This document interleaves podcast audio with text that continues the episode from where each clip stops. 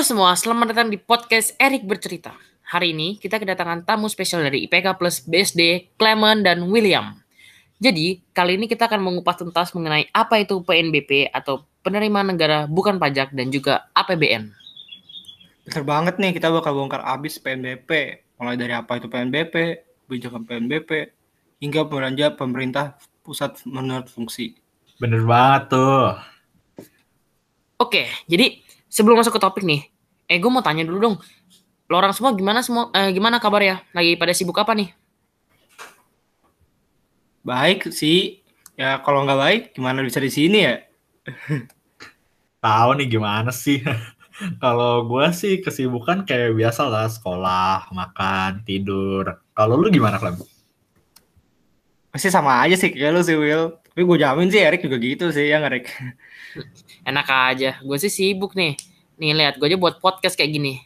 Oh iya, by the way, udah lama banget ya kita nggak ngobrol kayak gini. Berapa lama ya? Satu tahun ada kali ya? Ada sih harusnya satu tahun sih. Tahu kita udah ke- nggak ketemu itu ternyata udah lama banget ya. Corona aja ini udah ulang tahun nih. Oke guys, jadi sebelum kita bahas lebih dalam nih mengenai PNBP, oh ya gue mau tanya dong, kalian ada yang tahu nggak undang-undang nomor berapa sih yang mengatur tentang PNBP kita? Waduh, kalau masalah undang-undang gue nyerah ya. Paling nggak bisa gue. Kalau soal UU mah Clement paling jago, ya nggak, Clem? Lu tahu nggak? Banget tuh. Paling jago gue mau UU, UU nomor 20 tahun 1997 kan Rik? Widih, hebat banget lu Clem, bener banget tuh. Gila, Clement, ampun emang kalau masalah undang-undang mah lu tuh paling top dah. Gak salah baik, gak salah baik. Oke, sekarang kita masuk yang ke benar-benar topik ya. Alright, jadi sekarang gue nih mau tanya sih, menurut kalian itu, kalian tahu nggak sih apa itu PNBP? Menurut gua sih PNBP itu ya pendapatan yang diterimanya oleh negara yang bukan berasal dari pajak. Bener banget sih gue sependapat sama William. Karena memang PNBP itu panjangan ya pendapatan negara bukan pajak. Jadi gue setuju. Nah, bener banget tuh kalian. Jadi, pengertian secara lengkap dari PNBP itu adalah pungutan yang dibayar oleh orang pribadi atau badan dengan memperoleh manfaat langsung maupun tidak langsung atas layanan atau pemanfaatan sumber daya dan hak yang diperoleh oleh negara oleh negara. Oh ya, by the way, gue juga mau tanya lagi nih ke kalian. Apa aja sih kebijakan yang pemerintah udah buat untuk mendukung PNBP kita?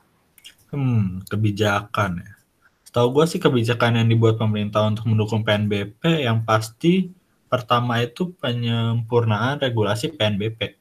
Terus ada insentif PNBP dengan pemberian tarif RP 0 per 0 persen. Dan juga pemerintah juga meningkatkan layanan baik pada KPRL atau Kementerian Perlembaga dan BLU.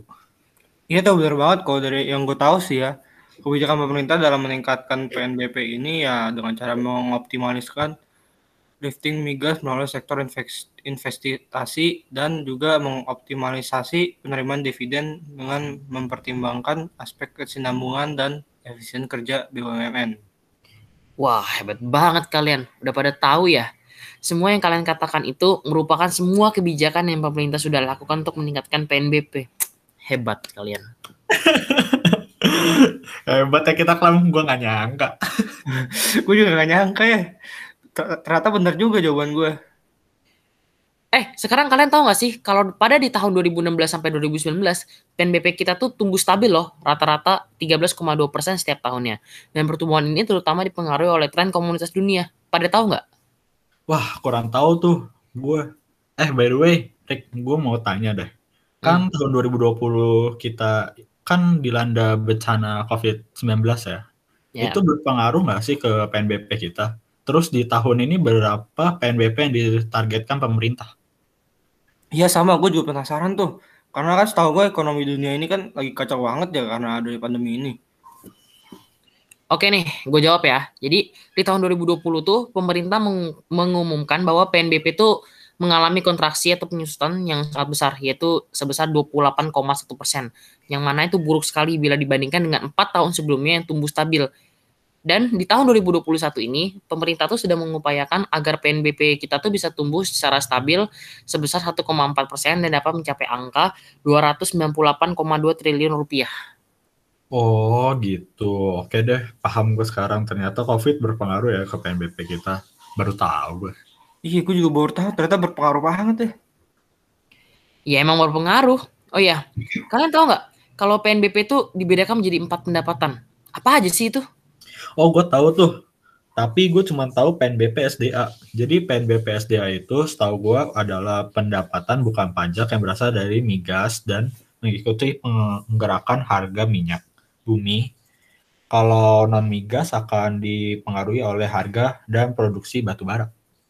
Kalau dari gue tahu sih, gue cuma tahu pendapatan dari KND. Pendapatan dari KND itu penerimaan dividen dengan mempertimbangkan aspek kesinambungan dan efisiensi kinerja BUMN. Oke, yang kalian bilang itu semuanya benar. Selain dua hal selain dua hal tersebut, masih ada lagi dua sumber PNBP lagi, yaitu sumber PNBP lainnya dan sumber pendapatan BLU dengan meningkatkan kualitas pelayanan yang affordable, available, dan sustainable pada masyarakat. Kalian pada tahu nggak sih kalau PNBP lainnya tuh berasal dari mana aja? Tahu tahu. Kalau nggak salah sumber sumbernya ada enam ya. E, pertama itu Polri, udah gitu ada Kemenhub, Kemen ATR atau BPN, Kemendikbud, Kemenhukam, sama yang terakhir itu Kemenkominfo. Ya bukan sih? Widih, kok lu tahu, Will? Bener banget tuh. Gue juga dapat info tadi dari APBN di Indonesia pada tahun 2021 itu meningkat sebesar 0,4% dari tahun 2020. Eh, ngomong-ngomong, ada yang tahu nggak berapa APBN kita sekarang di tahun 2021 ini? Gue tahu, gue tahu. Tadi gue juga baru baca berita tentang peningkatan APBN itu kalau nggak salah 2750,0 triliun ya. Wih, kan bener banget tuh.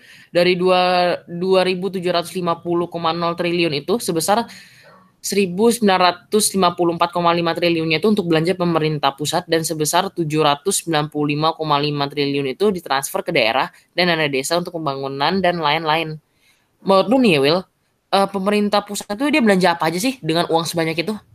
Hmm, setahu gue belanja pemerintah pusat itu diklasifikasikan ke dalam uh, delapan kategori jenis belanja ya, uh, yakni belanja pegawai, belanja barang, belanja modal, belanja pembayaran bunga utang, belanja subsidi, belanja hibah, belanja bantuan sosial, serta belanja lain-lain. Benar nggak sih?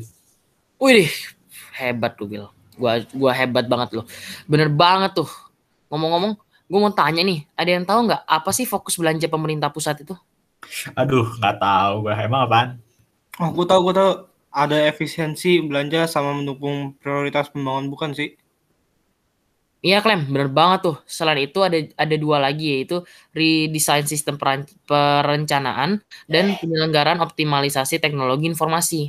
Oh, kalau tahu gue yang efisiensi belanja itu melalui penanjaman biaya operasional dan sejalan dengan perubahan proses kerja. Dan kalau yang mendukung prioritas pembangunan, hal itu dilakukan untuk mempercepat pemulihan ekonomi. Wah, kok lu tahu banget sih? Gue aja kagak paham sama sekali. By the way, itu kan baru dua ya. Duanya lagi, yang Erik ngomong apa ya? Oke, ini gue jelasin ya. Kalau yang optimalisasi uh, teknologi informasi untuk meningkatkan kualitas layanan publik dalam penyelenggaraan, uh, penyelenggaraan pemerintah dan pemberian pelayanan atau service delivery. Nah, sedangkan kalau yang redesign sistem, perencanaan dan penyelenggaraan upaya perbaikan dalam bentuk peningkatan integrasi dan konvergensi kegiatan pembangunan antar K, K atau L, pengurangan potensi duplikasi dan kegiatan antar K dan L serta penanjaman rumusan program ya, serta penanjaman rumusan program. Itu sih. Oh gitu, baru ngerti gue. Gue jamin yang pada denger ini juga baru pada tahu kan. Wah, gue udah mulai makin paham nih soal PNBP. Emang orang otak orang jago itu cermat ya dalam mencerma, mencerna informasi.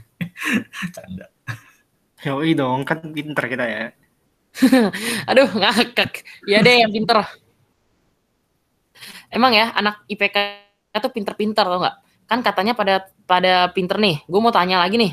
Uh, berapa total belanja pemerintah pusat di tahun 2021 ini dan ke mana aja sih pemerintah pusat tuh menyalurkan uang tersebut? Apa dikasih ke orang apa gimana gitu? Gimana Mas? Aduh, ini sih bukan masalah pinter lagi ya. Ini masalah pengetahuan kalau pertanyaannya kayak gitu. Ya mana saya tahu kalau masalah kayak gini sih Clement biasanya jago sih. Gimana Clem? Tahu nggak Clem?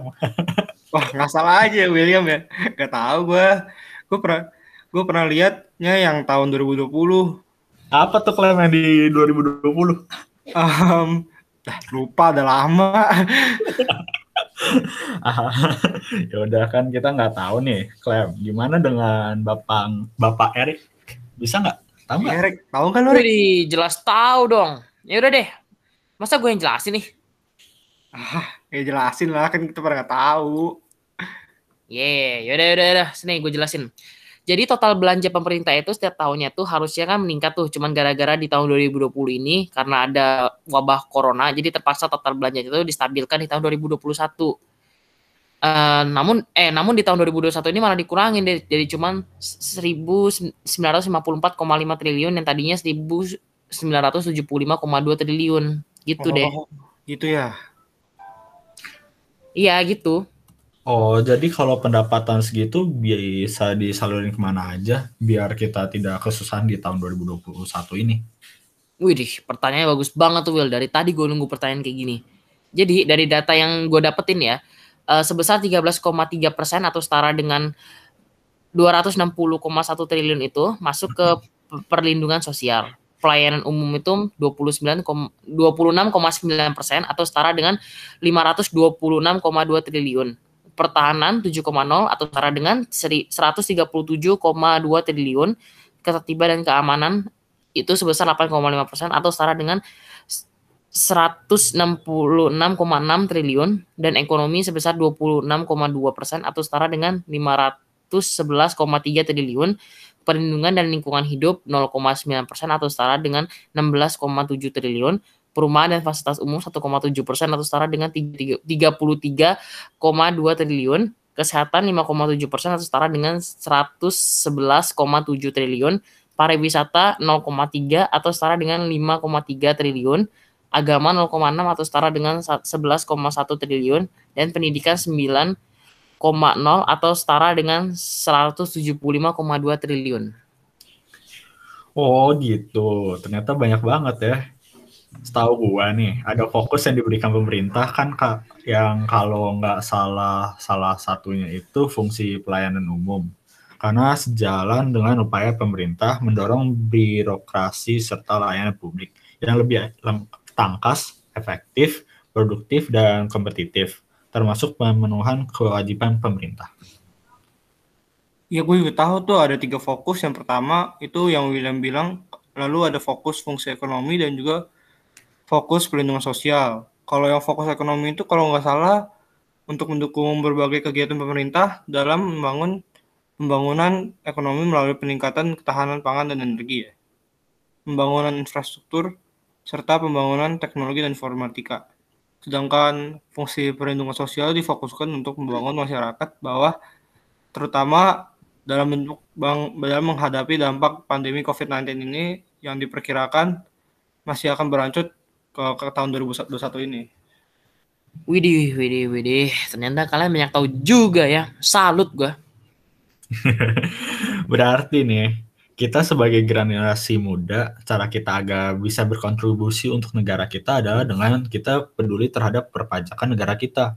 Kalau kita sudah punya kewajiban buat bayar pajak, ya kita lakukan itu, lapor pajak, bayar pajak dengan tepat waktu. Dengan begitu uang yang kita berikan bisa digunakan pemerintah untuk membantu kemajuan negara kita. Kalau menurut gue sih ya salah satu cara kita supaya dapat membantu ke perkembangan negara kita yaitu dengan mengelola sumber daya alam kita dengan baik sehingga negara kita memiliki sumber daya alam yang, yang berkualitas karena Indonesia itu merupakan negara yang memiliki sumber daya yang sangat melimpah yang dapat dikembangkan dan menjadi bahan, pro, bahan pro, dasar produksi maupun bahan pendukung industri. Bener banget tuh, kita bisa mulai dari lingkungan terdekat kita sendiri ya, dengan mengurangi penggunaan energi dan tidak merusak sumber daya alam yang ada di sekitar kita. Iya, makasih lo udah undang saya di podcast ini. Ya, makasih ya kawan-kawan. Kita ngobrol lagi nih, Erik. Ya, siap-siap. Gampang. Ntar kita tinggal atur waktu aja. Kapan pun kalian sempat ya. Oke. Oke, jadi sekian dulu di episode Erik bercerita kali ini. Semoga podcast ini bermanfaat ya bagi kalian serta dapat memberikan informasi tambahan juga agar bangsa Indonesia ini menjadi bangsa yang lebih cerdas. Sekian podcast kita kali ini. Terima kasih sudah mendengarkan. Yo. Terima kasih. Terima kasih.